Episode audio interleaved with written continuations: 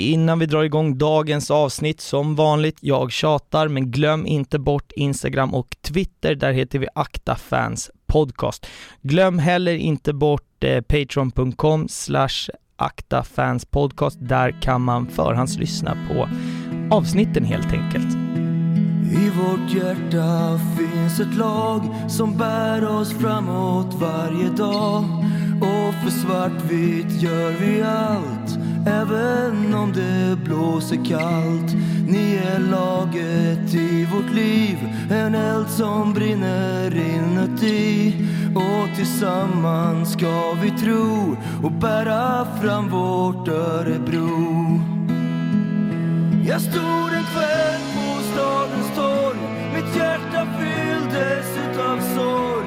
Tills det slog mig att ett lag skulle fylla upp dag Vi går mot seger varje gång Det finns en glädje i vår sång För på vallen är vi bäst ÖSK vi vinner mest Örebro SK, den klubb i Sverige som spelat flest allsvenska säsonger utan att vinna den.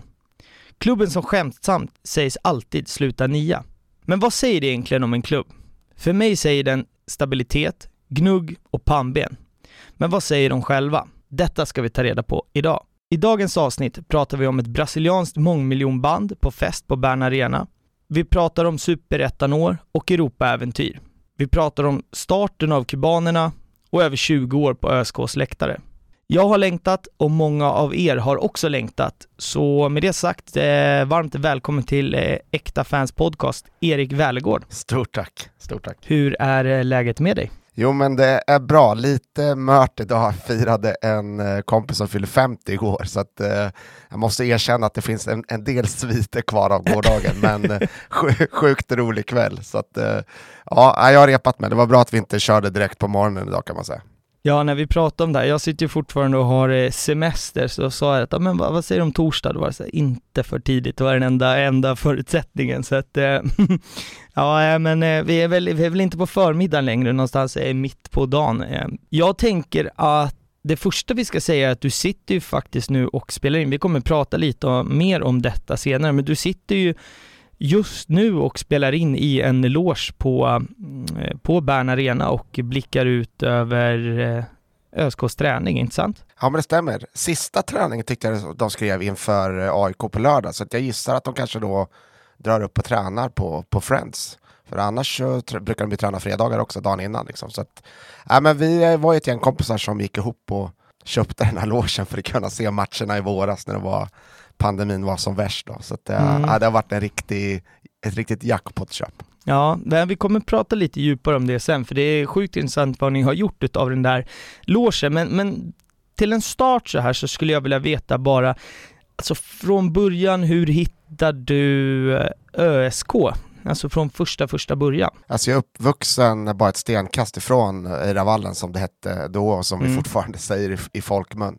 Eh, Då låg ju Vinterstadion, Toyotahallen och sen eh, Eiravallen. Liksom. De har alltid legat precis intill varandra. Mm. Centralt nere, ja men du vet, jättecentralt för att vara arenor om man tittar på vad som byggs idag. Då. Så att, eh, nej, men farsan drog med mig, eh, så att jag delar ju den berättelsen med många andra, att det finns, fanns ett engagemang redan från start. Mm. Så det, det är egentligen, jag kommer ihåg liksom hans nattduksbord, där låg de här årskorten som han hade via sitt jobb och de där gick man och pillade i och det var, på den tiden var det så här, du vet, klippkort så kunde man se hur många matcher man har varit på. Mm. Han hade på, ja, men på alla lagen. Det var både hockey, det var fotboll och det var bandy. Liksom. Så att, men framförallt fotbollen var ju det som eh, fångade mig tidigt. För liksom, för vi ska få ihop någon slags kronologi här. Du är född eh, sent 70, så det här är väl i början på, eller mitten på 80-tal någonstans, där, där du börjar och där vi kommer egentligen ta avstamp i den här historien är väl egentligen 2002 sen. Men du, du, du skrev lite kort att du lirade själv i, i Örebro eh, SK,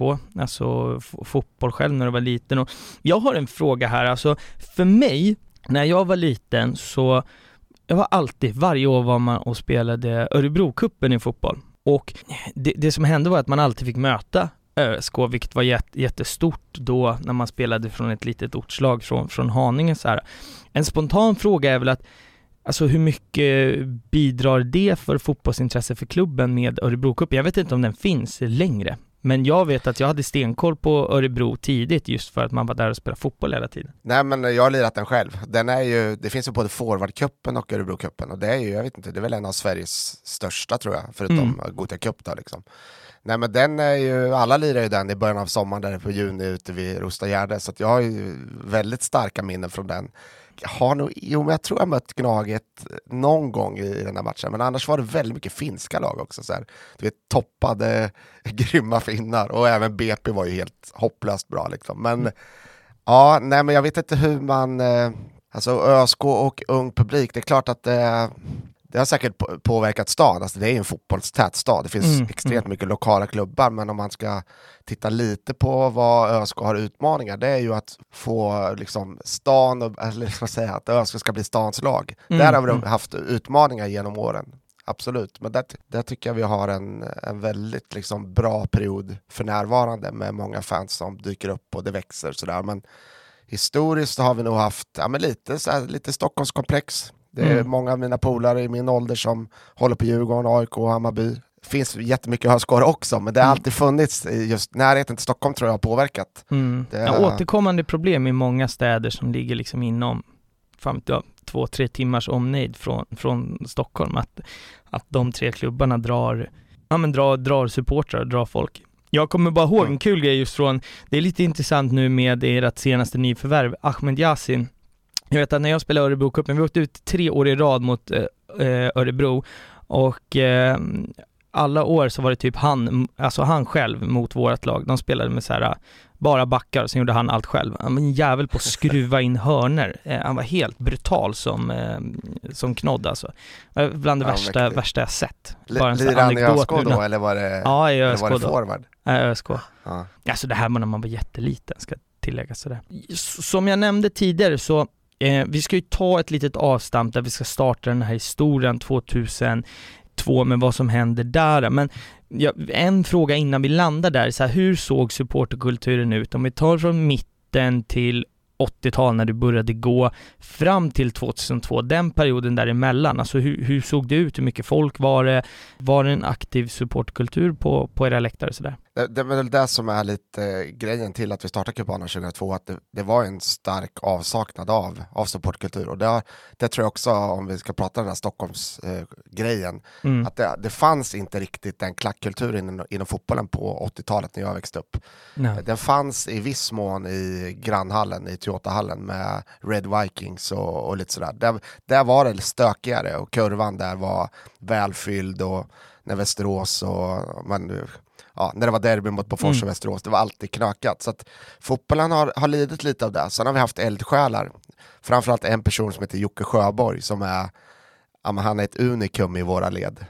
Som har varit den som eh, ja, men startat upp lite supportföreningar. Så det har ju funnits Pingvinerna, Black and White Force och White Crew är väl de tre namnen som jag liksom minns. Mm, och även mm. på 70-talet så fanns det no några ett gäng som satt bredvid gamla trä. Så att försök har funnits och engagemang har funnits, men det har liksom inte riktigt satt sig någon gång skulle jag säga. Då landar vi ju 2002, precis som du säger. Du är med och startar upp eh, Kubanerna. Innan vi kommer in på, på det, var kommer namnet ifrån? Det har jag alltid undrat. Okej, okay, du har inte koll på det. Det är från Kubistal, eh, gamla polacken som lirade i ÖSK på 90-talet. Det var ju typ enda gången som, eh, ja, men som det var lite drag på läktaren. Typ när vi fick hörna så skrek alla Kuba, Kuba!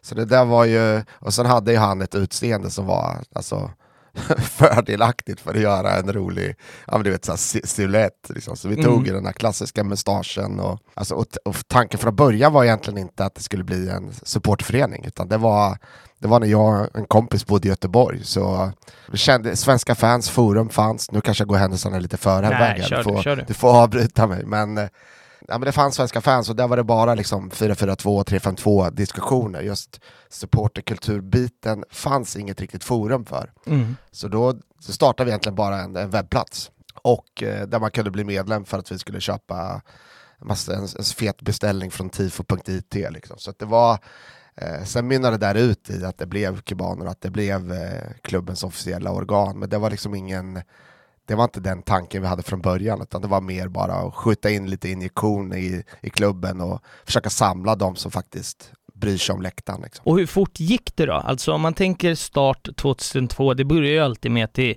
några eldsjälar, några få liksom, ett kompisgäng som drar ihop det. Men hur fort gick det att liksom gå från idén, tanken, webbplats till att det fanns aktivt på läktarna. Det fanns en banderoll och det finns folk som står bakom grupperingen så att säga. Blixtfort skulle jag säga. Det var, ja. ja men vi hade ett formulär och sen, eh, där man kunde bli medlem. Jag tror vi hade 200, säg 220 medlemmar på ett par dygn. Alltså det var, det var extremt bra gensvar. Sen fick vi även lite kritik eh, från folk som undrar vad fan är det för namn, liksom, kubanerna. här kommer det nya vänsterfalangen här liksom och, ja, och sådär. Eh, så, så de fattar väl inte grejen med att det var bara, du vet, ja, men en skön grej, en hyllning till Koverstall. Och mm. det är väl också kanske ett tecken på att det jag tycker namnet klingar väl inte som ett supporterföreningsnamn egentligen och det, det vittnar väl det här om att det egentligen bara var en supportersajt med ett lite roligt namn. Liksom. Mm, mm. Eh, men sen tyckte väl folk att det där var lite gött. Liksom, att, eh, ja, men det gick fort. Sen, jag kan inte säga exakt vad vi pratar i månader, men jag flyttade i alla fall hem till Örebro från, från Göteborg i, i samma veva ungefär som vi drar igång det här. Mm. Eh, jag vet att vi, vi gör en kenyansk flagga som hyllning till eh, Polo Yoga och Boniek Maruti ganska tidigt. Mm. Vi gör en, en, en fet med klubbmärket där det bara står Örebro Sportklubb och så gör vi en banderoll med eh, kubanerna Örebro, Helvetica Neue typsnittet kommer jag ihåg. Mm. Ja, men det var, och så mötte vi, typ, vi mötte Peking en träningsmatch i någon, eh, ja, men typ så här Stora Mellösa utanför Örebro en försäsong. Mm. Och då, då smällde vi upp eh, de här flaggorna på, på ett eh, staket bakom målet, kommer jag ihåg. Så det, det är någonstans där tidigt 2002 och mm. det är inte långt efter att vi släppte sajten. Nej, för, för, jag kommer ihåg, alltså jag har ju mina minnen från den här åldern, så alltså pratar vi 2002, då är jag 11. Och då, då hade jag liksom gått på fotboll några år, men då hade jag börjat alltså, intressera mig för supportkulturen och jag hade ju varje match så stod jag alltid liksom på några ståplats med farsan och, och frågade så här, vad heter deras klack? Hur många är de? Är de bra? Du vet, jag frågade ut honom för att försöka få liksom en, en koll på vilka människor som var på andra sidan och sen fick han alltid liksom vara urtolkare för att Ja men då dök det upp en banderoll, såhär kubanerna, vad betyder det? Han bara, jag har ingen aning typ sådär. Men vi ska ju ta några händelser, vi, vi kommer ha några sportsliga händelser, några positiva och, och, några negativa här, men nu har ni ju snurrat igång, kubanerna lever, supporterkulturen börjar liksom Ja, men, men det börjar hända riktiga grejer i, i, i Örebro. Och sen kommer vi till 2004. Vad händer då först och främst med eh, ÖSK som klubb och vad, vad mynnade det ut i liksom supportermässigt? Eh, nej, men jag skulle säga efter starten 2002 så var det ju, eh, alltså, som det såg ut då runt klubbarna, då hade man ju typ ett officiellt så här, organ eller liksom en supportförening. Men sen började det liksom poppa och spira i leden, så det, det, det, startades ju grupper. Eh, ett ungt gäng från Nora, Nora Boys, nu är jag inte helt säker på när det är, om det är 05 eller så. Det startas en grupp som heter Kuba Boys som senare blir eh, Boys Örebro. Men, men 2004, alltså eh, hela de här första åren, alla det var ju det var extrem energi och det växte mycket. Mm, eh, mm. Sen kom ju det här året att definiera klubben på, på många sätt i och med att vi dels så tampades vi med er nere i skiten. Mm. Vi höll på att åka ur eh, sportsligt. Eh, och jag minns framförallt eh, en höstmatch mot AIK borta. Ja, jag, jag tror att det är en söndag eller måndag kväll. Kan, kan vara en måndag. Och vi har tre bussar upp. Det är ja, det är riktigt rörigt, framförallt i AIK. Det är rörigt hos oss med i och med att vi ligger där vi ligger. Men jag tror ni var ännu mer i skiten. Mm, och ja, vi, vi vann, kommer... vann, inte, vann inte en match på den säsongen, shit vad dåligt det var. Nej, men, och vi kommer i underläge med 1-0 och det är lite så här. Sen lyckas vi vända den där. Robert Mambo Mumba var i klubben en kort session och var, ja, men bara namnet gjorde ju att han blev superpoppis och sen nickade Gustav Andersson då, Gustav Krona nu in 2-1 målet. Ja, men det, och det, jag vet inte om det var att det blev klart då att, att ni åkte ur, eller hur det var, men det var rejält ja, Vi spelade inför, eh, inför tomma läktare i sista matchen mot Örgryte efter gallerskakningen ja. mot Hammarby. Eh, Ja, det, du- var, det var då vi åkte ur. Nej men jag kommer ihåg den här hösten, liksom. vi redde ju ut det sportsligt och det var så här bra energi, vi hade tre bussar upp den här måndagen eller vad det var. Jättebra för att vara oss liksom. Alltså när vi får iväg mer än en buss en vardag så är det, det är liksom, det är schysst. Mm, mm. Eh, så, men sen efter säsongen, vi hade liksom kämpat med rörig organisation och stökig ekonomi och det var mycket rykten och eh, hela den här elitlicensen var väl ganska färsk och kraven på vad, vad klubbarna måste leva upp till för att få spela och för att få den här. Eh, och där, där var, råkade, råkade vi ut för eh, Svenska fotbollsförbundet som ville statuera ett exempel, skulle jag säga.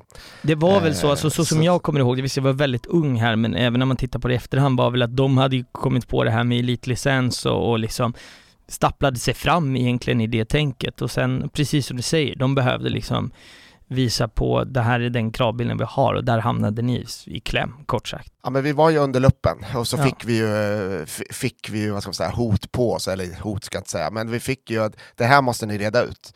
Och då gjorde ju klubben ett eh, sjukt bra jobb. De tog in jurister, de tog in ekonomer och gjorde ju ett digert jobb för att faktiskt reda ut det här. Och där upplever jag att klubben gjorde allt man kunde. Sen eh, jag vet att Olof Lund har pratat mycket om det här, att det, att det ändå var det fanns någonting som ändå förbundet kunde trycka på som, som gjorde att vi ja, blev det första och troligtvis det enda någonsin som blev degraderade på grund av ekonomi. Och det, Ja, det, det har väl inte det- varit ens på tapeten förrän eh, ÖFK blev tvångsdegraderade men sen hittade någon, eh, vad fan var det?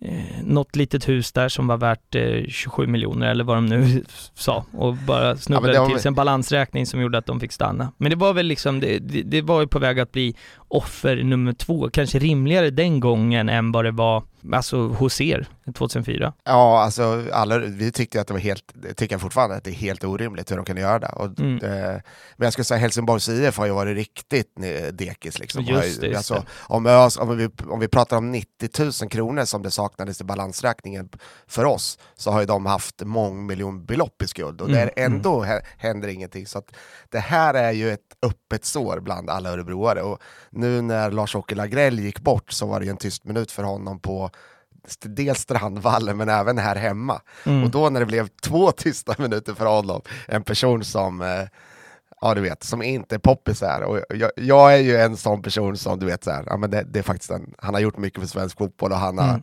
han har gått bort liksom, då håller jag käften. Men det var, det var folk som Den var inte, svår att liksom, tugga i sig kun- på Ja, ändå liksom. kunde, inte, han- ja, kunde inte hantera det liksom. Så, nej men, och samtidigt som den här, eh, det kommer faktiskt jag vet inte om jag ska säga det, men det kommer en artikel om Örebro SK i en eh, välmeriterad fotbollstidning snart. Och där, där pratar man lite om den här händelsen med degraderingen. Det är ju alltså en ÖSK-supporter som utger sig för att vara lite på förbundets sida och mejlar ju Lars-Åke Lagrell när det här sker Mm. och får ju honom att säga att eh, nej men det handlar inte om de faktiska pengarna utan eh, vi, vi måste statuera ett e- exempel. Där får han eh, liksom på pränt och går ju då till Nerikes Allehanda som publicerar den här mejlkorrespondensen. Jajamän. Och eh, då när NA liksom kontaktar Lars-Åke, men vi har det här och du har sagt så här, liksom, hur, vad du säga om det? Då går ju han till attack mot Mats Dernan som är en nära vän till mig som är med i, ja men du vet, vi hänger på matcher och sådär. Och säger att det är den falskaste människan jag någonsin träffat. Liksom. Att, Ja, eh, nej men eh, kort sagt en, en, en, en soppa det som händer. Och även fast det är närmar sig 20 år sedan så, så är det ju sådana öppna sår som, som finns i supporterled. Men, men så som jag har förstått det så, ja men liksom stan sluter sig runt klubben och det blir, man, man knyter näven i fickan, eller kanske inte bara i fickan, men man bestämmer sig för att liksom någonstans nu jävlar och eh, ja men nu ska vi vända på det här. Och ni har ju eh, eh 2005 eh, som startade dåligt i, i Superettan, ni reder upp det. Och sen 2006 så är det eh, Superettan också där det går bättre, man kommer in, man är nära på att gå upp och sen hamnar man i sista omgången där det blir dramatiskt som djävulen. Berätta lite om den sista omgången här 2006, vad, vad man behövde göra och eh, vad det mynnar ut i. Jag tror att det är, det är vi, Brommapojkarna och Trelleborgs FF, 1, 2, 3. Jag tror, mm. nu vet jag inte vilka som leder, vi är trea tror jag på kval inför omgången och BP och Trelleborg möts på eh, Grimsta. Mm. Och det som krävs är ju, ja, jag, jag minns inte exakt vad som krävs, men ja, det, känslan i luften är att det kommer nog bli kval. Eh, jag tror ni måste men, vinna och Trelleborg måste ja. vinna borta mot BP. Ja, alltså någonting det. i den stilen tror jag att det är. Ja, och BP hade gått som tåget. Han Doktor Guterstam på topp, eh, mm. Olof där, och gjorde ju spotta in mål. Och, och Assyriska var krigare för sitt liv om jag inte minns fel. Liksom. De kom ju hit och jag tror att de var nere i botten, eh, bottenracet i alla fall. Men, ja, men då, i samband med den här matchen så höll de på att bygga om Västra Stå. Eh, så de hade rivt den här liksom, gamla läktaren som vi hade stått på i alla år. Mm. Och flyttat oss till sektion K på södra, södra betongläktaren. Och den var ju smetfull med supportrar och det är en helt annan akustik där. Eh, så jag minns liksom matchen hur, ja, det var ett fruktansvärt bra drag för Örebro mått mätt. Liksom. Mm. Eh, och sen är det våran jugge då, Nedim Halilovic, eh, som såg ut som han var 43 år gammal, men han var väl 29-30 någonting. Mm, mm. Ja, men han gör ju, han gör ju två, två mål och, och sen så gör ju Trelleborg det här ja, men match, matchen resultatet som inte vi, liksom, man vågar kanske inte hoppas på det, mm. men äh, det, blev ju, det blev en riktigt blöt, blöt natt i Örebro. Och som du sa där med... Jag tror att det var så att eller Trelleborg var redan klara och skulle bara, alltså de, de skulle krasst kunna ställt in typ juniorerna och ändå gått upp. Jag tror att de redan hade firat sin uppflyttning om inte jag missminner mig. Det stod mellan er och BP, jag för mig att det var någonting Ja, det sådär. så det. Ja, men det, det, och då var det väl kanske därför det som man kände så här, men de har inget att spela för, det kommer aldrig, de kommer Jag aldrig... tror att det är så. Nej, för, ah. er som, eh, för er som lyssnar och, och som eh, har bättre koll får väl kommentera det här på, på Instagram eller Twitter så får vi ut eh, sanningen där. Man hade kunnat kolla upp det, men jag jobbar inte så. Det, är, eh, det ska vara lite skjuta från höften, det tycker jag är, är roligare faktiskt. Berätta om, eh, det blev en blöt kväll på stan säger du, utveckla. Ja, men jag kommer ihåg att då jag bodde i Oscarsparken det här året, så det var ju när matchen var slut, ja, men först tror jag alla gick direkt upp till likkistan heter det. Det är som en fontän på Stortorget mitt i Örebro. Det är mm. säkert, ja, har man varit i Örebro då, då har man koll på den där likkistan. Så jag tror att det blev så här spontanbad och härj och, och sådär. Mm. Sen var det ju, klockan var ju, jag får att det var ganska tidig match, så att det, det var läge att mellanlanda och du vet, byta om lite inför kvällen och klubben skulle ju ha någon bankett uppe på stan och supportrarna skulle ses i parken och sådär. Ja, jag kommer ihåg att jag mellanlandade och hade inte jättemycket hemma, men jag hade typ en flaska limoncello tror jag som stod i skafferiet. Så, mm. ja, riktigt, eh, så jag drog i mig lite limoncello och sen gick jag till kvarterskrogen som då hette P2 tror jag.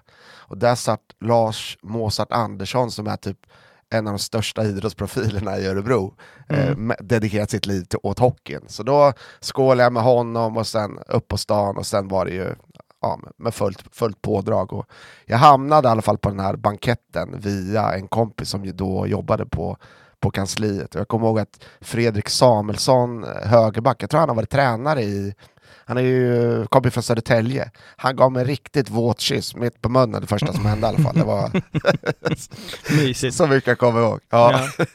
Det här är ju fantastiskt, nu är man ju tillbaka och Örebro är ju ett lag som, som liksom, de ska ju spela i Allsvenskan, punkt. Men det som är för, för i alla fall alla som lyssnar som är från liksom supportrar till, till Stockholmslagen, där, där är ju extremt många som kollar på, på 08 fotboll. Jag vet att det är folk som gör det även ute i, i landet, men man brukar ju skämtsamt säga att Örebro alltid slutar nia i tabellen. Man vet, när man det första när man ska tippa en allsvensk tabell är att man lägger Örebro nia.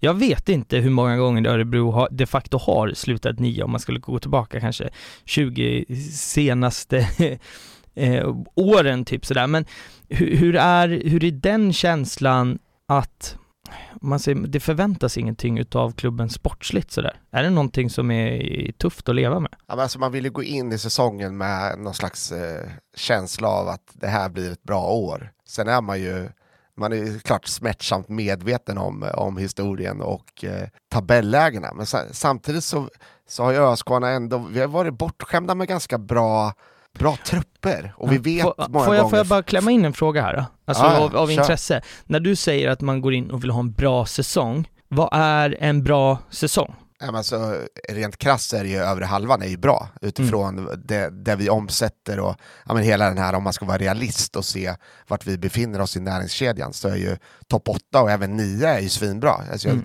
Tittar man på spelarförsäljningar som, ja men du vet, allt det här som påverkar fotboll idag, där är ju vi historiskt rätt usla.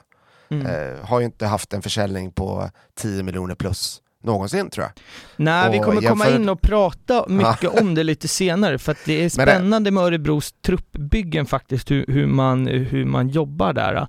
Eh, så det, det, det, kommer vi studsa in på, på, på lite senare, just hur man bygger trupperna, för man har ett ganska unikt sätt i svensk fotboll att jobba med, runt det sådär. Nej men en bra säsong är övre halvan. Sen eh, Mm. är det inte så himla länge sedan som vi kom trea 2010. Liksom. Så det är klart att får man en fullträff och, så vet man att det är möjligt. Allsvenskan är ju tight liksom. Men, Mm. men det är klart att glappet blir ju inte mindre till 160 miljoner nyrika Malmö som de fick in häromdagen. Liksom. Man, Ja. man, man är medveten om det här liksom, på något vis. Ja men så är det, och en perfekt brygga över till min nästa fråga, vi ska faktiskt hoppa in eh, på 2010, som rätta mig om jag har fel, men är det bästa året sportsligt som du har, alltså över, sett över en allsvensk säsong som du har fått se va? 94 är bättre faktiskt. Eh, Då kom vi tvåa och hade guldet i 65 minuter i, i sista omgången. Så det är Okej. ju, det är, om- vi pratar sår så är det också Ja, okej. ett öppet sår. Ja, Eh, den hade jag faktiskt inte kanske- koll på, den är, då var jag tre. Ja, Eh, men, då är det fall, okej. jag kan dra den kort om du vill. Ja, kör. Vi, har, vi ligger alltså tvåa inför sista omgången och IFK Göteborg leder. Malmö är trea, så alla de tre lagen har eh, chans på guldet. Och vi kör över Landskrona lite för lätt, jag tror vi vinner med 3 eller 4-0 nere. Eh, och det gör att Malmö inte kan vinna. Så, så de sänker väl garden lite och sen vänder Göteborg på Malmö stadion i sista omgången. Eh, Jag tror Mikael Martinsson gör liksom segermålet. Så det är ju det är rysligt nära 94. Men Mm annars är 2010 i modern tid den absolut bästa säsongen. Kommer trea och kvalificerar oss för Europaspel. Ja, det gör ni ju faktiskt och eh, ytterligare så, så peggar det ju upp här för vad vi ska in på nu.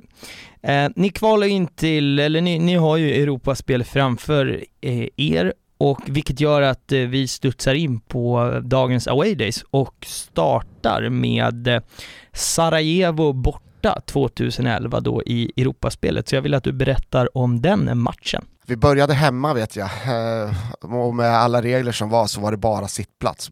Och de var väl ett par hundra här skulle jag gissa. Brände på friskt på läktaren och sådär. Men jag, känslan var att det var mest liksom eh, Sverigejuggar. Alltså det är bor ju otroligt mycket bosnier i, i Sverige. Vi har ju vår stora ikon eh, Nordin Gerzic uppvuxen i, i Bosnien till exempel. Men, Älskar kung Nord, Ja. alltså Ja. vilken spelare där är. Alltså det, fan, det- är fan en, en sån spelare som bara inte går att tycka illa om. Alltså och snusen blir bara Ja. större och större för varje säsong han lirar också. Stjärna det där är alltså. Ja, fortsätt, förlåt. Ja, han- är mäktig. Nej, men jag minns att vi sitter på Engelbrekts kvarterskrog och tittar på lottningen på den sunkig stream liksom, och så bara Sarajevo. Och där och då så var ju magkänslan Sarajevo, det här. Eh, ja, men jag vet inte, jag hade en ganska taskig bild av Sarajevo tror jag efter, efter kriget och man tänker väl att det här är ju inte någon, någon drömort att åka till liksom. Men vi, det var ju ingen snack ändå, det, vi har inte varit i Europa på svinlänge så vi var väl 25 man som åkte ner. Där och då var väl, jag vet inte, när jag tittar tillbaka, det är ju det är nästan pinsamt att säga att det var 25 pers bara som åkte, men, men så var det i alla fall.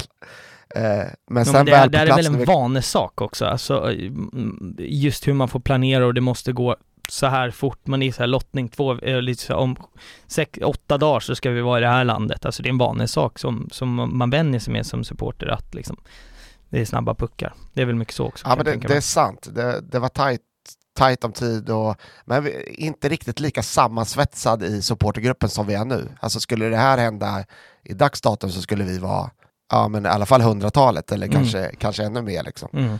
Men, eh, ja, men jag kommer ihåg när vi kommer ner till Sarajevo att jag helt bara, jag faller pladask för stan. Otrolig. Den ligger som i en, eh, ja men det är ju liksom omgiven av berg och det är kuperat så ligger liksom staden nere i en liten dal. Och, otroligt gästvänliga, grym, grym matkultur med Chevapin och eh, så tror jag vi var lite naiva. Vi gled omkring där på matchdagen med ÖSK-tröja, i alla fall jag gjorde det. Mm. Ganska, ja men sådär. Det var Mm. inga som gick till attack och så, men det var några eh, ultras till Celjesnic, det andra laget i, i, i Sarajevo som, eh, ja, men som hjälpte oss på matchdagen och sa att här kan ni inte sitta, det, här, det funkar inte. Så de tog Mm. med oss till ett litet, litet hak som heter Café Café eh, på andra sidan älven. Eh, det ligger som en liten vattendrag som går genom Sarajevo. Där de liksom, här är det, här är det säkert och här har de inte koll. Liksom. Så att Mm.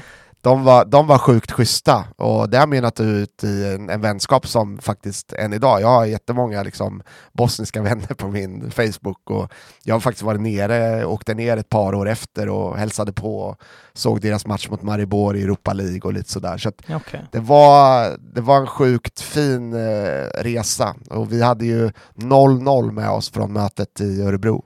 Mm. Taskigt, taskigt skadeläge minns jag, så att eh, den elvan vi matchade är eh, långt ifrån den vi hade liksom röstat för den säsongen. Så Mm. det, det, var, det var trist. Sen var det, vad kan det ha varit på matchen? Säg att det var 20 000 där, spelades på deras gamla olympiska arena och deras fans, Hordeslav, var ju ja, men otroliga. Liksom. Det var... Vi stod ju där på kortsidan, 25 pers, det var ju typ i, jag tror ingen kiosk öppen, det fanns ingen servering, jag tror knappt det fanns en toalett om man ska vara helt ärlig. Eh, så det var, det var sjukt spartanskt och sen eh, ja, de som inte åkte ner, jag tror de kunde följa matchen på någon sunkig stream och det enda de fick se av ÖSK-klacken det är när den här Jocke Sjöborg som jag berättade om innan som var eldsjälen på 80 och Mm. 90-talet med han sitter och sover på borta Så att det var Nej men det var, det var otroliga dagar i Sarajevo. Det är så här, det, när folk frågar om min favoritstad eh, i Europa så då säger jag typ Sarajevo och, Tel Aviv. Och det är mycket på grund av de dagarna vi hade, hade där nere. Det var, det var otroligt. Eh, men sen har du också nämnt, du, du skrev bara, jag vet inte vart vi kommer landa här, men, men du skrev Sirius borta är alltid kul att prata om. Eh, berätta vad vi landar där. Ja men alltså, man lever ju för bortamatcher med, med bra följen. Och Sirius har, har blivit det nya, liksom, alla åker bara. Det, när den stundar så, så är det, ja, varenda jävel i Örebro vill, vara på plats. Så Mm. vi har haft, ja men nu i år då, vi ligger alltså sist i tabellen, eh, mitt i semestern och Örebro är ingen riktig sommarstad om man ska liksom klanka ner på något. Jag älskar den här stan men närheten till vattnet och Hjälmaren i all ära, men det, historiskt har det varit lite, lite trögt att få med folk i sommarmånaderna, Mm. semester och så. Men alltså, vi, ja, jag var, var så himla glad över intresset. Vi var 400 på bortastå när vi ligger sist, eh, mitt i semestern, en måndag. Alltså, det var, Det är bra ja, siffror. men, ja, men för oss är det, det är skitbra. Det var världens drag och sen så Eh, ja men du vet, vi petar in segermålet i 86 minuten. Taha Ali som är in, utlånad till Västerås nu, kom in och gjorde, ett, ett, ett, det var kanske inte första inhoppet han gör, men han gör ett sprudlande inhopp och spelar fram till Besara. Och, ja men du vet, minnesvärt. Och vi har haft fler sådana re, resor till Uppsala. Vi vann med 4-3 tror jag, 2018 när eh, Kennedy Igbananike var i, i, i laget. Filip Rogic har gjort hattrick på studenterna. Så vi, Fina ja, vi har vunnit och vi har varit sjukt mycket folk alltid. Liksom. Så det, är, ja, det har blivit så här go-to-resa för alla örebroare. Liksom. Det är väl också det, det som är kul med Sirius, nu, nu är väl det ett annat avsnitt när jag ska sätta mig ner med dem, men det, de har ju också en supportkultur som, som växer och frodas, som har varit legat relativt latent ganska länge, men det, det har hänt mycket på kort tid där också. Sen eh, har vi en tredje, där Norrköping i kuppen där ni åker ett jävla gäng. Det här är nog ganska länge sedan tror jag. Berätta om den matchen. Ja, jag, jag tror du tänker på, vi hade, jag måste tänka om det är kubankaravanen. Nej, det är nog något år sedan. Nej, men Norrköping är ju rivalen. Liksom. Mm. Eh, De har ju en förmåga, eller de skulle jag säga, vill ju alltid tona ner örebroarnas, eller, eller vårt, vad ska man säga, ja men vi skiter väl i Örebro liksom, de har aldrig vunnit något. Och de vill ju gärna trycka på den knappen och säga att, det är, att vi är ointressanta och eh, eh, vad man ska säga, men de trycker upp t-shirts när de är här där det står eh, Örebro Merda, de har alltid stora följen här, de har ju en tre, fyra ramser bara om Örebro. Liksom. Så det finns ju en, eh, en rivalitet mellan städerna som ändå, som jag, den gillar man ju liksom. Mm. Eh, så, så det har alltid varit eh, ja, men den här resan, det är bara 10 mil liksom, så det är typ det närmsta, förutom Degerfors nu då, så är det det närmsta derby man kan komma, även om det mm. inte är ett derby. Eh, mm. Men vi gjorde en satsning då när de låg i superettan, de var ju nere där och harvade ett tag. Mm. Eh, och jag kommer ihåg, det var i Svenska cupen, vi lottade hos dem, det var ju, så här, det var ju drömmen att få, få dem i kuppen. Mm. Och de hade ju tufft då, det var ju riktigt, riktigt hundår för dem. Jag tror det var 1900 på arenan.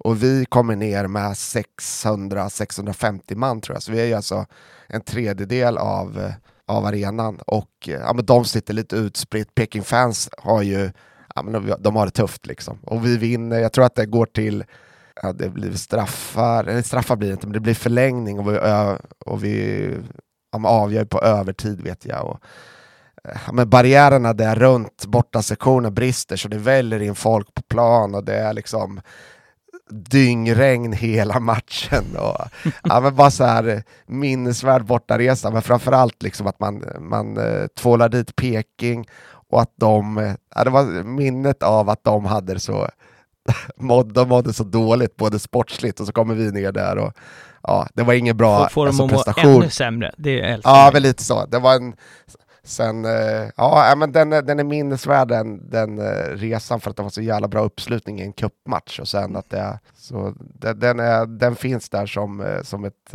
starkt minne. Eh, sen har vi en sista, här har jag faktiskt eh, tjuvat lite innan och fått sett en, en bild. Ni åker till Oskarshamn borta, det här är precis innan pandemin, antar att det här är i, i kuppen. Där står ni, alltså när, när vi pratade om det här lite inför så beskrev du att ni stod i en apbur och sen kollade jag upp och det är fan exakt vad ni gör. Jag har sett en bild på det här, man skulle kunna gå på zoo och titta på er när ni står där inne. Berätta om den här matchen. Ja, men det är ju det är också en helt, vädermässigt en helt galen dag ner till Oskarshamn. Det är första matchen i kuppen, gruppspelet. Mm. Vi kommer ner och eh, ja, men man vet ju aldrig vad man riktigt ska förvänta sig. Det är ju det som är charmen med att åka på de här resorna till småorterna, liksom, eller mm, de mindre mm. lagen.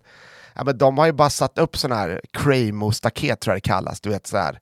De är inte ja, ens för byggplatser typ? Ja, alltså, mm. och, och, folk börjar ju liksom, klättrar man där, de går ju sönder direkt liksom. Så det var ju, ja, men när jag la upp den där bilden i mitt flöde, jag är ju ingen liksom, eh, de som känner mig vet, jag är ju ingen ultras på det sättet, jag älskar att ha följt klubben i hela mitt liv sådär, men men när jag la upp den här bilden, för det ser ju ut som att vi är en hundramannaliga som bara ska ner och du vet, gå nuts i Oskarshamn. Liksom. Mm, mm. Ja, vi står med luvor, det är dyngregn och det är, ja, ja men du vet, det ser ut som en kategori C-liga som, som, ja, står verkligen. där. Vi ska få upp den här på där. Instagram och Twitter också så ni andra får se vad vi, vad vi pratar om. Det ser rörigt ut, så är det. Ja, ja men det var, det var jävligt mycket roligt som hände kring den här matchen också. Det blev ju, den blev avbruten i typ 20 minuter på grund av eh, storm och eh, eh, ja, men kraftigt skyfall. Mm. Och då hade busschaufförerna vägrat släppa in oss i bussen. Liksom. Så vi fick stå där i 20 minuter och folk var ju rätt bra i gasen liksom, när man har druckit. Så det var ju det var inga konstigheter. Vi stod där och körde gris och någon körde trumman och vi stod och dansade och sådär. Liksom. Men eh, sen kom matchen igång igen och ja, du vet den här Ja, tydligen så kom det en faktura till ÖSK för de här staketen som var helt, det var ju helt trasiga efter matchen, men där kan man ju tycka lite så här, ah, Skyll er själva. Kunnat, ja, men lite, lite så här liksom. Jag var ju uppe där drog igång några Ramstad när man står på det. Alltså. ja, en rolig resa. Det var en polare till mig som hade med sig en kikare då.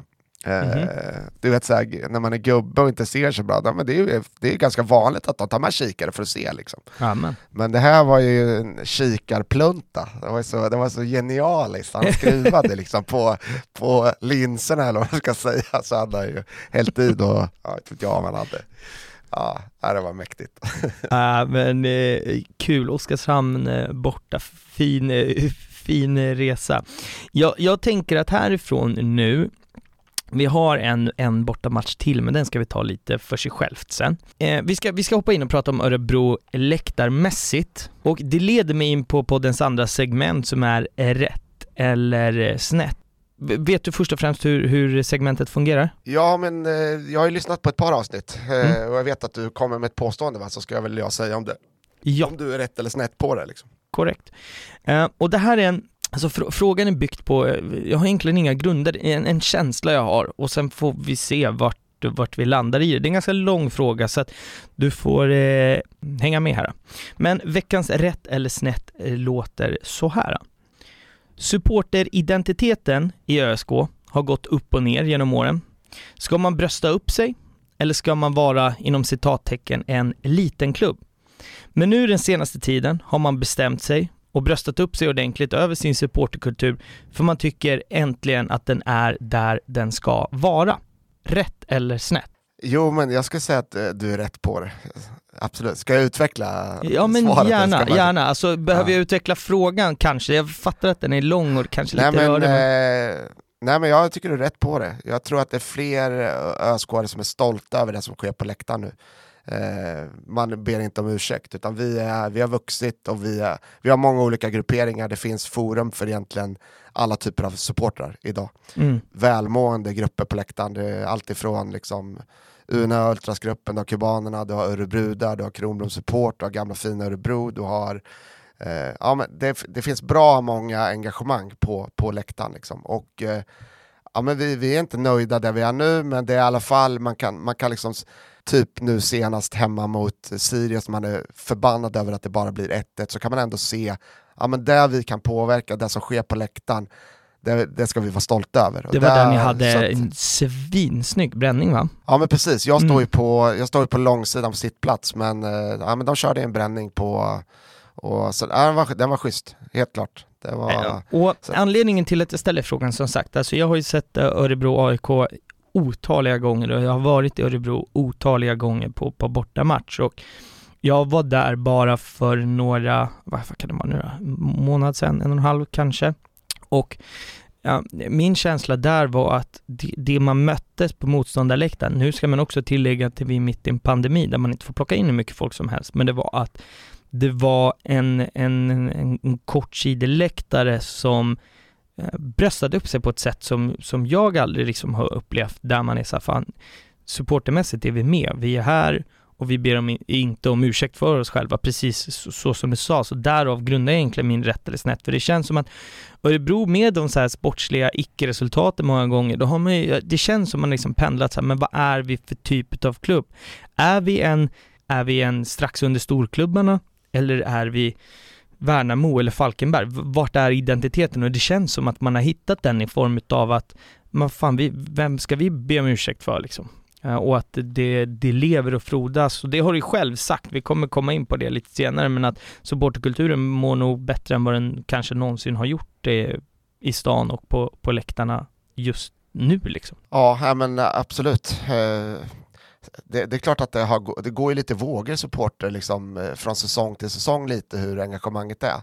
Sen vill man ju nå- någonstans att det ska finnas någon slags här lägsta nivå hela tiden, att den ändå är rimlig på något vis. Liksom. Det är Mm, klart att vi har mm. haft säsonger som har varit eh, ja, men svackor där eh, och så har vi haft, eh, ja men du vet när man flyger sportsligt så klart att då fylls det på med, med medgångare eller de som kanske inte går lika ofta sådär. Men skulle vi få lite medgång eller bara få lite resultat nu, alltså, Mm. det, det är väl det som gör att jag ändå är så glad över att vi är 400 när vi ligger sist i tabellen, att det finns ändå en, en känsla av eh, Ja, men det, det, det är kul att vara ösk oavsett resultat. Liksom. Vi gjorde ju Mm. en, eller jag tog fram en t-shirt som eh, ett band som heter Joy Division eh, som har en sån klassisk t-shirt. Så gjorde vi en twist på den, så här, oavsett division, stolthet, hjärta, passion, som är klubbens liksom tre slagord. Så, där, då. Mm. Så, jag, så tänker jag med mitt supporterskap, att jag, det, no matter what, liksom, det är lite som Djurgården, alltid oavsett. Alltså, jag tänker på guys är också sådär, Mm. de har sina trogna. Och eh, kan man bara rama in det, att det alltid blir kul att gå på match, alltså, oavsett hur- vad som sker på plan. Liksom, så, Mm. Eh, För supportkulturen är så otroligt mycket mer än bara 90 minuter. Det är liksom uppladdningen, det är själva resan, det är gemenskapen, det är musiken runt, det är liksom, ja du vet, hela, hela den kulturen. Och där upplever jag att vi har eh, utvecklats eh, liksom, som klubb, att det är, det är mycket roligare att gå på match i, idag när man Mm. är öskåre. Nej men det, det är precis som du säger, det handlar ju om hela arrangemanget eh, runt omkring och vad man, vad man gör där. Men eh, en, en annan fråga, jag har väldigt dålig koll på hockey, men har ni inte ett hockeylag som har gått från att vara Alltså som har gått från att vara okej hockeylag till att bli ett ganska bra hockeylag som har klättrat i seriesystemet också? senaste åren. Stämmer. Stämmer. Ja, men de var framme i, i semifinal i år och pressade ju eh, Växjö till sju matcher. Och, Mm. Så det, de har gjort en otrolig resa och det är klart Och- att det har påverkat stan och sådär. Ja men det var, det var dit jag faktiskt ville komma för att mig veterligen när jag gick mycket på hockey så spelade ju, var det AIK Örebro i, i, i hockeyallsvenskan men idag så är det ett bra SHL-lag och alltså som du sa så är Örebro en, eh, en idrottsstad.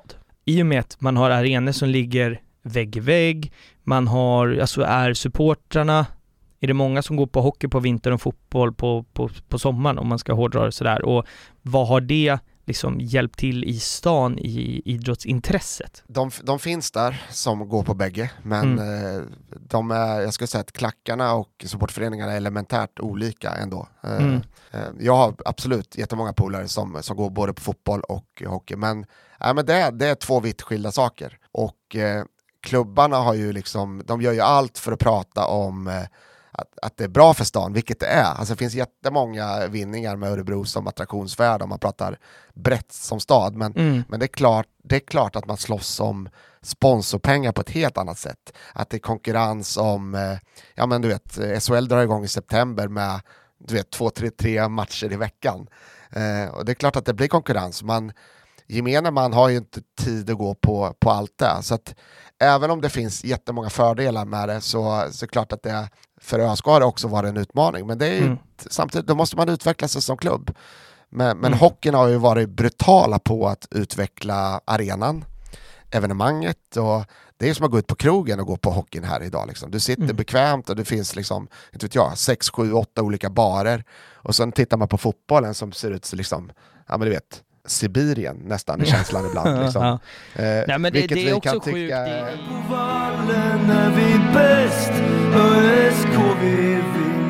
Och jag, alltså, jag har all, all respekt för de som engagerar sig i, eh, i Örebro Hockey och det är supportföreningen 14-3 och sådär. Det är ju liksom goda vänner. Jag, jag kan tycka att eh, om man ska skicka någon passning till dem så är det väl att jag tycker att de behöver hitta ja, lite mer eh, originella ramser till exempel. Jag, ty- jag tycker historiskt att kanske att det har varit mycket likt andra klubbar. Mm. Sen har de gjort en resa som är oerhört imponerande. De var ju liksom, inte vet jag, 4000 i, i Karlstad. Eh, premiären då när man gick upp i SHL. Så att intresset och deras renommé i stan är superstarkt. Liksom. Sen, eh, sen är är man ju själv en läktarnörd på något vis. Så jag skulle tycka, tycka att de kan bli mer cutting edge, lite mer originella liksom, på, Mm. Eh, när det gäller ramser och, och lite sådär. Det, En, en rolig Typ så. grej som, som finns på deras läktare och som är en diskussion inom hockeyn är det här med, med klappor och eh, jag vet att ni har ju en person som, vi ska studsa in lite och, och, och prata på honom, men först ska vi ta det här med, med klapporna men det, det var en diskussion om det skulle införas eh, på eran läktare, alltså fotbollens läktare, det här med, med klappor, där eh, Axén var tränare för er och var, var motståndare till, eh, till det. Eh, så pass stor motståndare så att han gjorde en ganska rolig grej här, berätta om Axén och klapporna. Ja, men det har ju varit i omgångar, jag vet att det var ganska tidigt eh, nu pratar vi ju här bara några år sedan Axén var i klubben, men, men även innan det så har, ju- gjorde klubben ett försök med klappor. Och då vet jag att Ultrasgruppen bara du vet, tog alla kartonger och bara skickade i containern. Liksom. Det var ju, alltså det är ett sätt att säga att man inte gillar klappor, man hade också kunnat prata med klubben och säga liksom. Så det blev ju lite stelt där, men det, det, det finns i liksom ryggsäcken. Men sen, jag tror faktiskt att det är Axén som, eh, för han vet ju att, eh, att klappor inte är populära bland eh, oss på läktaren i fotbolls, ja, men här runt ÖSK. Mm, mm. Men han ville ju provocera, så han var ju precis tvärtom, att han tog ju ställning lite för klapporna. Liksom. Just det, så då var det ja. Vi hade en säsong här som, ja men du vet när det går upp och ner, han tyckte att vi måste ha mer liv liksom. Han, han vet ju vad det innebär med stödet på läktaren och tyckte kanske att sittplatspubliken inte riktigt lever med. Och, ja, men får man de där klapparna då sitter man i alla fall och trycker på lite. Så han provocerar ju lite och så satt vi och pratade om det här i någon Facebook live liksom. Och, och han älskar ju att, vara tvärtom liksom. Om, Ja, eh, han bara ville jiddra med folk Ja. hela tiden. Ja, han, eh, han älskar ju det liksom. Och det är ju Ja, jag älskar ju Axén. Han är ju fantastisk på det här sättet. Han är så jävla provocer provocerande så många gånger. Han Mm. kan ju aldrig erkänna heller att han har fel någon gång. Liksom. Utan det är ju, han strider för sin sak i, i absurdum, liksom. oavsett vad. Jajamän, jajamän. Ja. Ja, men ni känner ju till honom i AIK-led och sådär. Men, ja, men då gjorde vi en rolig grej på det där. Jag tror att det var efter, efter en match när vi hade vunnit hemma, jag kommer inte ihåg när det är, så Ja, men jag fick ju bara en idé sen, det här är perfekt nu. Så jag vek ju en, en klappa snabbt av någonting och sen när han skulle fram och tappa klack, eller tacka klacken så, så gav ju han den där klappan. Så gick han ju fram och du vet, stod och vevade med den. Liksom. Det var ju ja, en sjukt rolig, roligt ögonblick. Finns också eh, bild på, ska vi se om vi kan eh, få upp. Men om vi tar lite Axén, alltså min känsla av alltså Axén, han är ju, för, för jag tror att alla vet vem han är, han är expert på eh, inom, inom allsvenskan, han har också varit eh, tränare för, han har haft guys sen har han haft er i, i, i många år. Och hans bakgrund är ju att om det är sent 90-tal så var ju han en utav få som åkte liksom på allt inom AIK. Debatten med honom, det svårigheten är att han har en AIK-tatuering på, på, på axeln som han eh, har fått liksom käka mycket skit för genom, genom åren när han har varit tränare för andra allsvenska klubbar. Men, men min känsla, om man tar Örebro och Axén, är att det han gjorde, i och med att vi pratar lite om att man supportermässigt är, är lite, man, man bröstar upp sig idag, och känslan är att han gav Örebro som stad och som fotbollsklubb så mycket pondus. Alltså han stod upp för, för laget, han stod upp för klubben och man fick en, en tränare som många fotbollstränare är ju, om man ska använda uttrycket, de är ganska töntiga. Alltså okarismatiska, men de är duktiga på det de gör. Men han kom in och var så här, fan vi, vi ber inte om ursäkt för någon, här, är- här är vi, vi är Örebro, fuck alla andra. Och det gav liksom hela klubben en annan status som pondus. Så jag, tycker du att jag har rätt där eller är jag fel på det? Nej men så är det han är en rockstjärna liksom. Ska jag säga. Fotboll, han, han är ju allsvenskans, jag kan inte tänka någon annan sådär. Ja, men jag kan tycka att Rickard Norling är rätt, han är finurlig och rätt kul sådär. Men eh, det finns för lite andra exempel. Men, men Axén är ju något helt annat än väldigt många. Och gan, jag ska inte säga att han är känslostyrd, men han är, han är ju mer känslostyrd i, jo men det är han. Alltså efter, efter matchen när vi, när vi har torskat eller när vi har vunnit så är ju han, han säger ju vad han tycker, alltså du vet, det kommer ju bara ur honom. Mm. Och det där tror jag, där gillar ju supportrar. Mm. Eh, att man på något sätt, man, man får höra det djupaste inre vad han tycker och tänker. Men, men det är klart att han är ju också en, alltså en socialt, han är otroligt socialt. Mm. Eh, och har ju såklart lyckats få hit spelare genom åren som Ja, men där han som person betyder mycket för ja, men känslan i gruppen och vad är det för typ av fotboll man vill lira. Det är hellre 4-3 än, än 1-0. Och, Eh, så, så det är klart att det, är- det är många, jag tänker på Nahir Besara när han kom till klubben första gången till exempel. Och Astrid Ajdarevic var väl kanske inte eh, Axén här, men, men vi har några exempel på spelare som eh, eh, som eh, Axéns vilda västern-känsla eh, på något sätt. Alltså jag tror att det påverkar på ett väldigt positivt sätt, absolut. Mm. Ja, eh, jag ska ju faktiskt, eh, jag hittade inte vilket uttryck jag skulle använda, men rockstjärna, eh, det är, eh, det är så man ska beskriva honom, för det är väl fan det han är för, för svensk eh, eh, fotboll sådär. Men vi, vi var inne lite på, eller jag nämnde lite tidigare att, att vi skulle prata om det och det är lite så här vart Örebro står i näringskedjan om man pratar sportsligt. Där vi sitter nu när vi spelar in det här avsnittet så har man ju precis gjort klart med eh, tre riktigt fina namn i form av Nahir Besara, Ahmed Yassin och eh, Giloan Hamad. Men där man är, när man har en, en ung spelare eller en spelare som, som borde vara bra men inte riktigt flyger i kanske de topp fem största klubbarna så är ju Örebros liksom process många gånger att här, man lånar in spelare eller korttidskontrakt eller alltså man ger spelare chansen som inte flyger i de större klubbarna. Um, och, och så tycker jag att det har varit i många år. Jag har väl inte kanske i det konkreta faktan om, om det stämmer, men det, det visar ju någonstans, och man sätter ju sig i en situation själv, att man är ganska långt ner i näringskedjan när man räddar höstsäsongen genom att ta in ett lån från typ MFF eller, eller sådär. Hur, hur känns det att vara på den platsen i näringskedjan? Kanske en luddig och rörig fråga, men förstår du vad jag menar? På ett sätt är ju det lite den nya fotbollen. Eh, alltså, jag skulle ju aldrig vilja ha Carlos Strandbergs sejour i klubben ogjord. Eh, han, är ju, du vet, han blev superälskad här när han kom på lån från Malmö och gjorde kaos. Liksom var den bästa anfallaren man har sett. Det, det är orimligt för oss att köpa loss honom till exempel. Eh, så att där kan väl börja med att säga att det, lån är inte, det är inte bara dåligt. Det kan liksom komma in och det kan göra de yngre spelarna mer på tå. Eh, sen måste det finnas en, en, strategi och en långsiktighet om ÖSK ska ta nästa steg, att, ja, men det vi pratar om spelarförsäljningar. Mm. Och där tycker jag, om vi har pratat om Axén, men det Axel Kjell gör nu som fotbollschef, jag tycker man ser en, en tydlig röd linje där, att nu finns det faktiskt unga, eh, men Hussein Ali blev uttagen i u nu här i, igår. Eh, Dennis Kollander har varit med hela vägen men är inte uttagen nu. Och det, om det har konkurrens eller vad det är, det, det, har inte, det gissar jag. Men han är ju också en eh, det är råmaterial och det finns mång, många, mycket som talar för att han faktiskt kan bli en, en bra försäljning.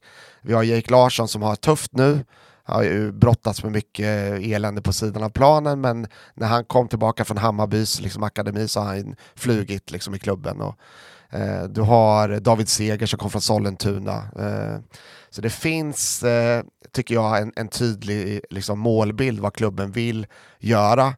Och kan man då på något sätt spetsa det med, med lån eh, eller köp, och det är väl det som är så himla kul med Gille och, och Nahir då, att man mm. faktiskt har lyckats engagera finansiärer, ja, men, täta människor runt klubben som, som brinner för stan och att man får dem på tre och ett halvt år bägge och, och veta liksom att det här är våra mest tongivande spelare, att de är här länge. Det, så att trendbrott skulle jag säga absolut det har varit under det här sommarfönstret nu. Det, mm. Så det känns, det känns kul att det finns, ja, mm. det finns både lån men det finns också framtid. Mm. Ja men absolut. Och, och vad skulle du, alltså om, om man ser svensk fotboll som en, en näringskedja sådär, vart skulle du någonstans placera Örebro på den? Ja, men det är omöjligt att placera oss någon annanstans än att vi är, har en bra bit upp till eh, rätt många klubbar. Men mm. vi är ju, ja, jag vet inte, vi får väl jämföra oss med typ Sirius och eh, Kalmar, eh, Varberg. Alltså Varberg känner man ju spontant att vi är men, men eh, om man tittar eh, alltså, omsättningsmässigt och spelarförsäljningar, vart vi ligger, så är vi ju där nere. Eh, och den, där, det är vi inte nöjda med. Liksom. Så att, eh, det gäller ju, det, här, det är det här som är klubbens absolut största utmaning, att dubbla omsättningar man pratat om, ja men hur ska man göra det? Man måste börja ställa spelare, så att utifrån, eh, ja men det, det är ju deppigt läge och det finns jättemycket att göra där. Så man, kan, man kan liksom inte ljuga, man kan inte fly från någonting och jag vet att klubben är självkritiska där. Det är, Sen vad vägen dit är, ja, alltså det sportsliga som vi håller på att göra nu, där, där känns hoppfullt. Mm, mm. Men det är klart, jag skulle ljuga om jag säger att vi är, att vi är vägg i vägg med, med Peking eller Elfsborg. Det är vi inte. De har mm. sprungit ifrån oss. Liksom. Både, ja, men det är bara att kolla på, på klubbarna. Ja, siffror ljuger aldrig, så, så är det. Sportsligt ska vi säga då. Sen har jag, jag, jag, nämnde ju att det fanns en match när vi var inne på away days som vi sparade lite på. Den tycker jag att vi ska ta nu. Vi pratar 2015 och då tror jag att du ganska snabbt eh, vet vilken match jag eh, är på. Berätta. Då har vi gått kräftgång som bara den i allsvenskan. Vi ligger jag, vet inte, jag tror knappt att vi har vunnit något. Vi, en klassisk, liksom det här, eh, dålig, dålig vårsäsong. Men vi lyckas ju vara helt brutalt bra på försäsongen i Svenska Cupen. Så vi slår ju ut Malmö i kvartsfinalen, vi slår ut Elfsborg i semin och åttondelen gruppspel, kommer jag inte riktigt ihåg, men vi tar oss till cupfinal och lottas mot eh, Göteborg, eller lottas jag vet inte, men vi lottas ju på bortaplan tyvärr. Det hade varit mm. mäktigt att få hemmaplan. Ja men det är klart, då, det blir ju direkt så tankar ska vi vinna, ska vi vinna något? du vet där. Ja, men. Öskårnas eh, identitet och hela den här grejen med, ja, men du vet, vi har inget jävla SM-guld, vi har inget jävla cupen-guld, vi har ingen vinnartradition, men vi har stolthet, hjärta, passion. Hela den här, mm. en, en ramsa som säkert många känner igen. Sådär. Uh, men det, var ju, det var ju mäktig energi. Det var, satsade ju stenhårt på att få dit så, så mycket folk eh, vi bara kunde. Jag tror att vi fick ja, med 1500 biljetter någonstans nere på, på Gamla Ullevi. Uh, och eh, åker ner till Abonnera trädgården som, eh, där var vi ganska snabba. Det var en, en Örebro-kille som dejtade en tjej som jobbar på Trädgården. Jag vet inte om du har koll på Göteborg, det stället som ligger längs, Ja, ganska nära Trädgården är väl, ja det är väl Ja. ett av deras bästa ställen i Göteborg. liksom. Ja, men det är ganska klassiskt Göteborgshak också tror jag. Mm, mm. Och där var vi rätt snabba på det, och jag ska inte säga att vi knyckte det, men nästan. Det var lite så här, ja men där ska Örebro vara liksom. Vilket var, det var kul. Och det var ju otrolig uppladdning, världens tryck och då jobbade jag för klubben under, under de här åren. Jag hade med mig ja, men lite merch ner och sålde och alltså det gick ju matchtröjor som aldrig förr och det var, det var en energi i luften. Och Mm. marsch till arenan och sen är det ju ett, ja, men, ett riktigt, riktigt fult mål. Ayanda Nkili, en sydafrikan som var i ÖSK, skjuter ju typ ett, ja, men ett lösskott som tar på ett ben och in i första halvlek. Så vi leder ju i paus liksom. Mm. Och under katakomberna där på Gamla Ullevi så var det liksom folk bara fan vi, vi vinner, vi, vi tar dem. Liksom. Det var så här. Ja, det var elektriskt där. Sen eh, så känner man ju att IFK kommer ut i andra halvlek och är ju, de är numret större och det är ju ja, men det är en tidsfråga och de kvitterar. Jag undrar om det är Sören Rex tror jag lirar i klubben då. Jag undrar om inte han gör ett av målen och så gör de ja, 2-1 i, ja, men när det är en 10 minuter, en kvart kvar. Liksom. Mm. Och innan det så har jag tror att det är Ahmed Yassin som har haft ett, ett, ett farligt skott. Så att det var, ja men det, är- det är deppigt liksom att vi inte, att vi inte tar dem. Det var Men nära men ändå var det- långt bort liksom. Ja, och just den här liksom 50-50 hemmaplan. Alltså hemma mot IFK Göteborg de sista 10-15 åren så har vi bra statistik. Skulle säga Mm. plusstatistik liksom. Så ja, ja men det är ju det är klart, det var ju tungt. Stort Men, att få eh, vara där men trist att torska någonstans eller? Det var ju mä- mäktigt att vara, jag tror att det är klubbens andra SM-final. Vi spelade mot IFK Norrköping 80, slutet på 80-talet på Råsunda. Då var det ju... Så att ja, vi har varit där och nosat. Mm. Ja. Du nämnde någonting här som är intressant som jag tänker att vi ska, vi kan studsa in på det. Du, du nämnde snabbt att du var anställd inom klubben då. Och det är du ju mellan 2010 till 2018. Eh, och som jag förstått din första tjänst du får inom klubben är att du går in som SLO. Eh, är, du, är du Örebros första SLO då eller var du, var det, finns det någon föregångare till dig där? Nej, men jag var först på det. Men det var faktiskt inte den första rollen. Jag kom in som biljett och eh, souveniransvarig tror jag i första Okej, rollen. okej. Sen, sen blev jag medlem och souveniransvarig och sen blev jag kommunikationsansvarig och, och sen under tiden har jag varit SLO. Så det har varit lite olika roller. Mm. Men eh, ja, men jag är klubbens, vi har bara haft två SLO. Det var jag först och nu är det en tjej som heter Camilla, Camilla Södervall. Okej. Ja, vad, vad ska jag säga om det? Alltså, jag gillar ju SLO-rollen, men jag är ju inte en...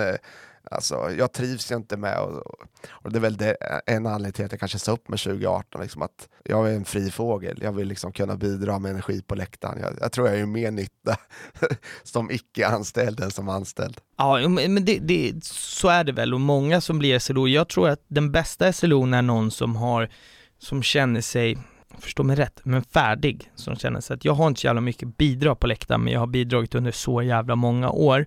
Jag tror att det blir de bästa SLO-erna. Och de, de som jag pratar med här i podden som har varit SLO har väl alla känt liksom lite samma sak. Fan jag saknar eh, liksom härjet och få, få, få leva ut liksom den kulturen som jag älskar och brinner för. Eh, det har jag ofta slutat med att, ja, men, att man, man vill tillbaka liksom.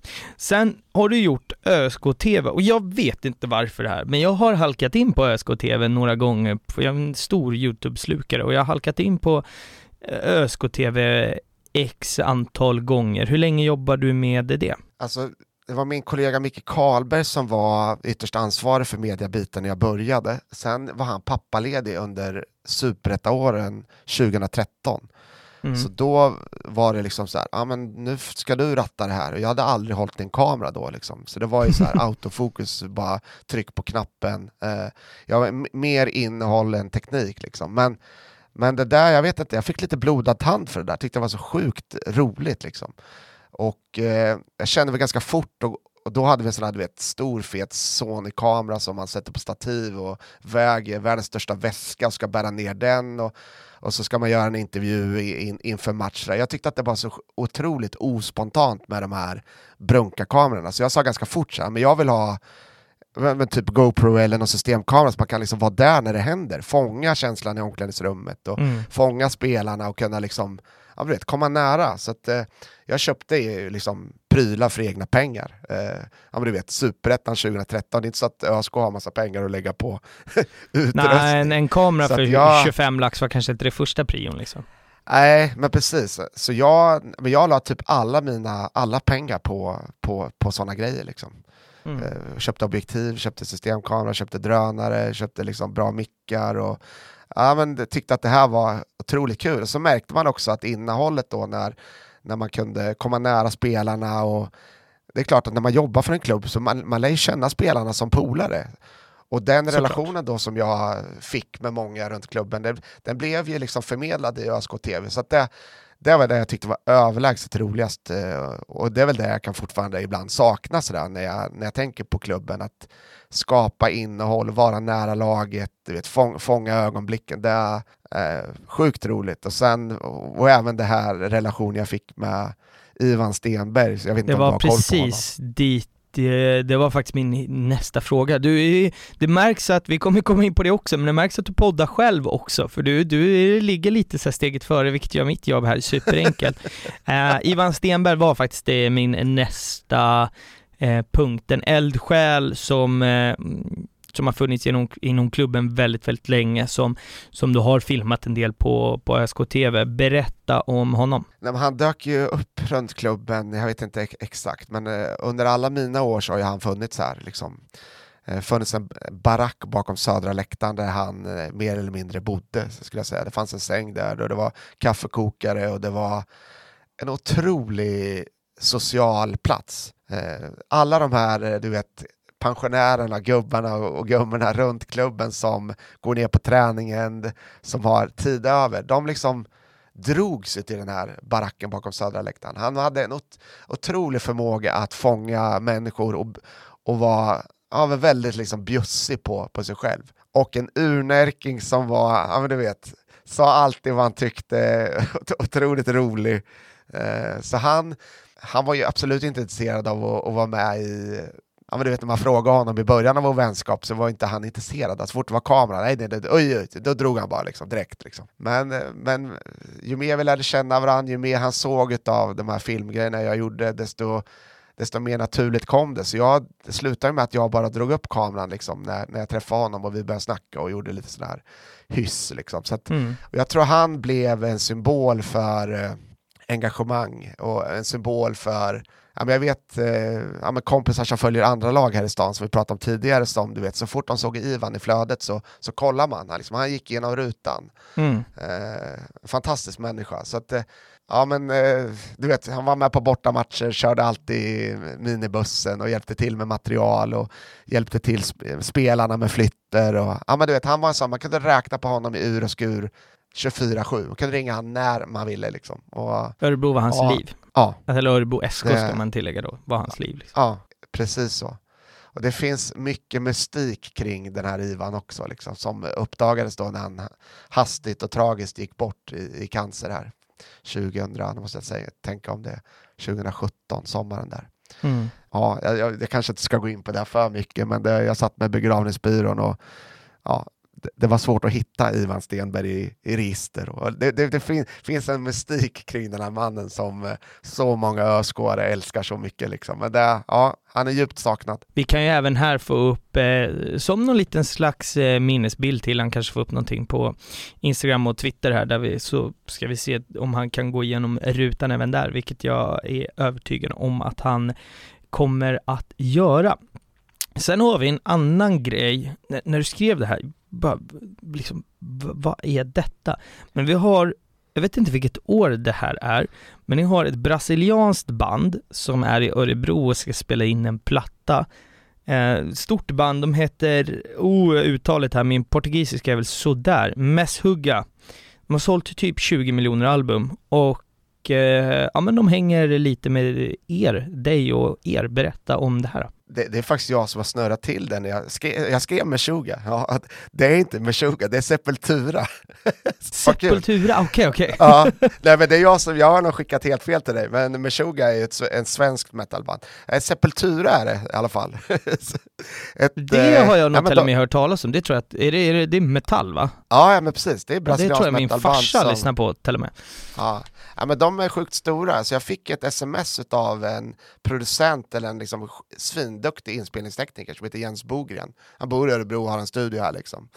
Han bara, Sepultura i, i stan liksom, ska vi vi vill gå på fotboll, de älskar fotboll liksom. Jag bara, ja ja, det löser vi direkt liksom. Så jag gick ner till, till ÖSK och berättade som det var, att de är i stan sådär. De hade väl inte stenkoll på bandet sådär, men, eh, men vi löste plåtar till dem och sen hade vi varit ute på vi hade abonnerat en båt den dagen och drog iväg på eh, uppladdning ute på Hjälman, så vi kom tillbaka ett gäng ja, men det här GFÖ-gänget, 30 man som var förfriskade och sköna. Liksom. Så satt ju de på läktaren med oss och drack. Det fanns en öl som hette Cuba Summer Ale som ett bryggeri tog, tog fram mm -hmm. med Koberstall-mustasch, ja, du vet så här.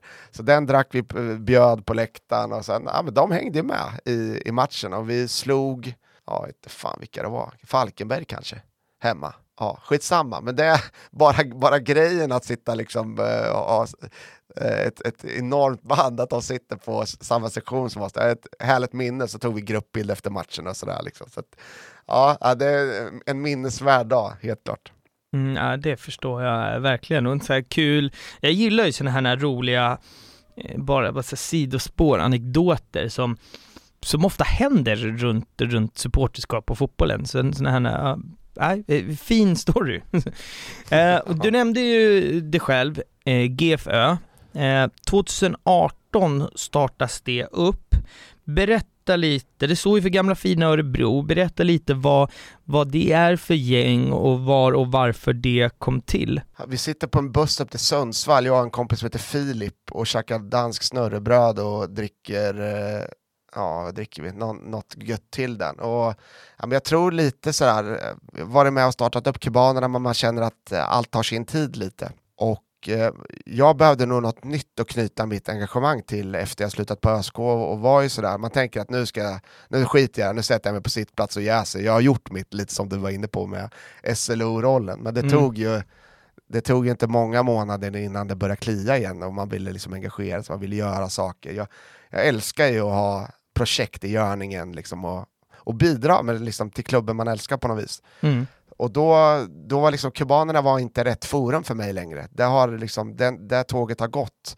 Det är fantastiskt att det lever kvar än idag, men så då, ja, men då startade vi liksom en, en Facebookgrupp bara för att samla äldre ÖSK-are. Sen vi snackade lite om att försöka få igång levande sittplats och lite sådär. Men skapa något för oss som är, du vet, som inte är 19 längre. Eh, mm. Så så börjar det. Sen har det varit väldigt informellt. Det är liksom ingen supporterförening, det finns inget medlemskap. Det finns en Facebookgrupp och nu, nu driver jag en podd, podd som heter Gamla Fina Örebro och sådär. vi hade faktiskt banderollpremiär här hemma nu senast mot, mot Sirius och lite sådär. Så det fungerar väl i viss mån som supporterförening, men det är mycket, mycket lösare. Och det är... Eh, Inga krav egentligen ja, på samma sätt? In, nej, och jag, det är alltid, det är liksom, jag är glad varje dag som vi kan lyckas hålla det så. Sen så fattar man ju att det, det kanske kommer mynna ut i att det blir medlemskap, att vi fixar en egen lokal och inte vet jag. Vi har pratat om att starta pub på arenan som drivs av supportrarna. Så det finns ju, ja, ju äldre man blir ju mer, eh, alltså, man gör lite andra grejer än att ligga i betongen och måla tvåpinsflaggor. Vi, vi bidrar på, på, på andra sätt liksom. Sådär. Mm. Så att, eh, ja, men det, jag tror många ösk i min ålder känner att man, ja, man, man känner att GFÖ ligger ganska nära vart man själv befinner sig i livet lite sådär liksom. Mm. Passionerade, trogna men på, på ett annat sätt på något vis liksom. Du är ju med och jag tror att är under samma flagg, är med och släpper lite, förutom att du har eh, podden som man kan hitta och, och, och lyssna på, så är ni ju, släpper lite musik också. Eh, och det är också under GFÖ-flagg va? Ja, det blev så den här gången.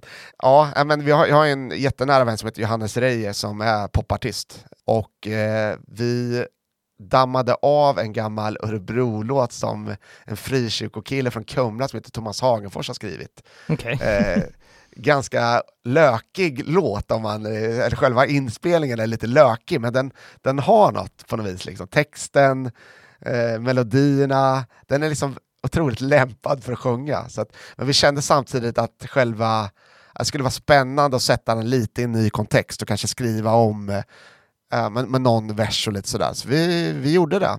Mm. Jag har inte varit med i själva inspelningsprocessen, men en, en kille som heter Norbert Lukacs, ösk som också är musiker, och Johannes Reije, och så tog de hjälp av lite musiker och, och spelade in den på nytt. Och den blev så sjukt, sjukt bra alltså.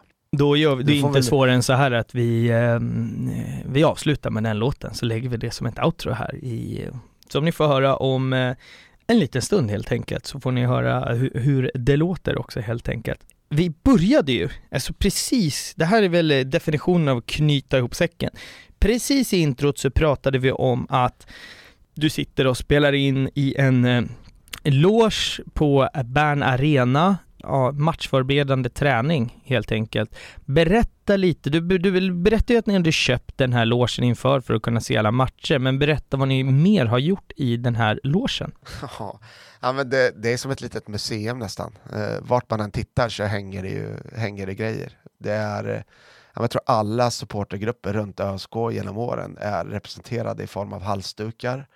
Eh, det är väldigt mycket spelartröjor, det är flaggor, det är ja, men Ivan Stenberg är här, det är gamla Rekordmagasinet bilder från 50-60-tal, det är lite casual-klistermärken, det är eh, signerade målvaktshandskar, böcker, nallar, någon retrofotboll från London som är, de har målat vårt klubbmärke. Det är diskokulor i taket och det är en bra massa 70 uppe i våran cocktailbar som vi har här. Och så så ja, men det har varit ett otroligt tillhåll för, för oss. Vi var åtta, åtta kompisar som älskar ÖSK som gick ihop.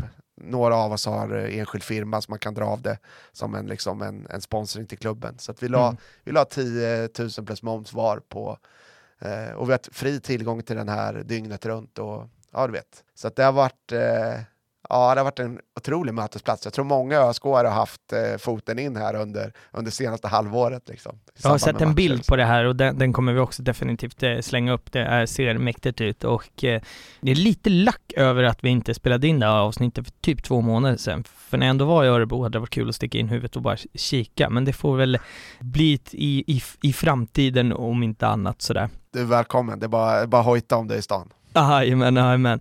Du, vi har haft ett fantastiskt samtal du och jag. Jag tänker, är det någonting eh, som du känner sådär att vi har missat eller som du vill att vi ska lägga till eller? Nej, jag bara tackar ödmjukt för att jag fick vara med. Eh, jag tycker det är kul med det initiativet som du gör och att du ja, men liksom sprider supportkultur på olika sätt och intervjuar liksom allt ifrån och fotboll sådär. Så, eh, fortsätt ditt hårda jobb och jag kommer följa podden. Kul att höra. Då har jag bara en sista fråga och det är som vanligt. Vad är supporterkultur för dig? Ja men det är mitt liv liksom. Eh, ÖSK är ju, ja men det är egentligen, jag brukar säga det många gånger, att eh, den vänskap och de, ja men du vet, vi som satt igår och firade den här 50-årsfesten i Nora på en blöt kväll så är det ju, vi hade inte suttit där om det inte vore för ÖSK. Att, mm. det, det, det, finns så otroligt mycket runt en, en fotbollsklubb som, eh, som är så mycket mer än bara fotbollen. Det är liksom, man går på konserter ihop, man, eh, det är vänskapsband för livet, folk träffar sin partner. Det är, så ja, supporterskap är ju, det är svårt att bara säga att det är det här, det är, det är på något sätt en, en, del av livet. Det är så jag skulle beskriva det också faktiskt. Det är mitt liv, otroligt fina första ord. Med det här sagt så, så tackar jag eh, för visat intresse. Eh, Äkta Fans Podcast, Instagram, Twitter, Patreon.com eh, slash eh, Aktafans podcast om man vill stötta podden lite extra sådär. Så hörs vi igen nästa måndag. Ha det fint. Tja.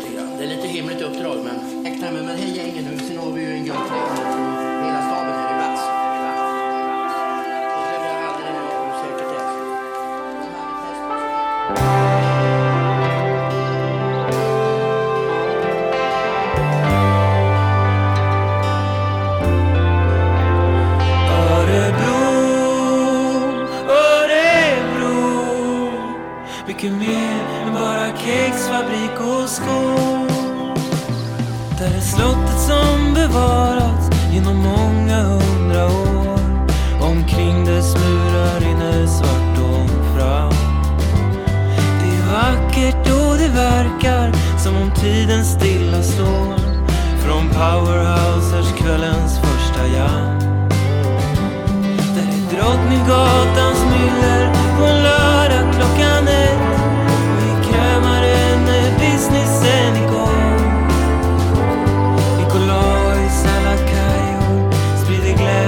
It's said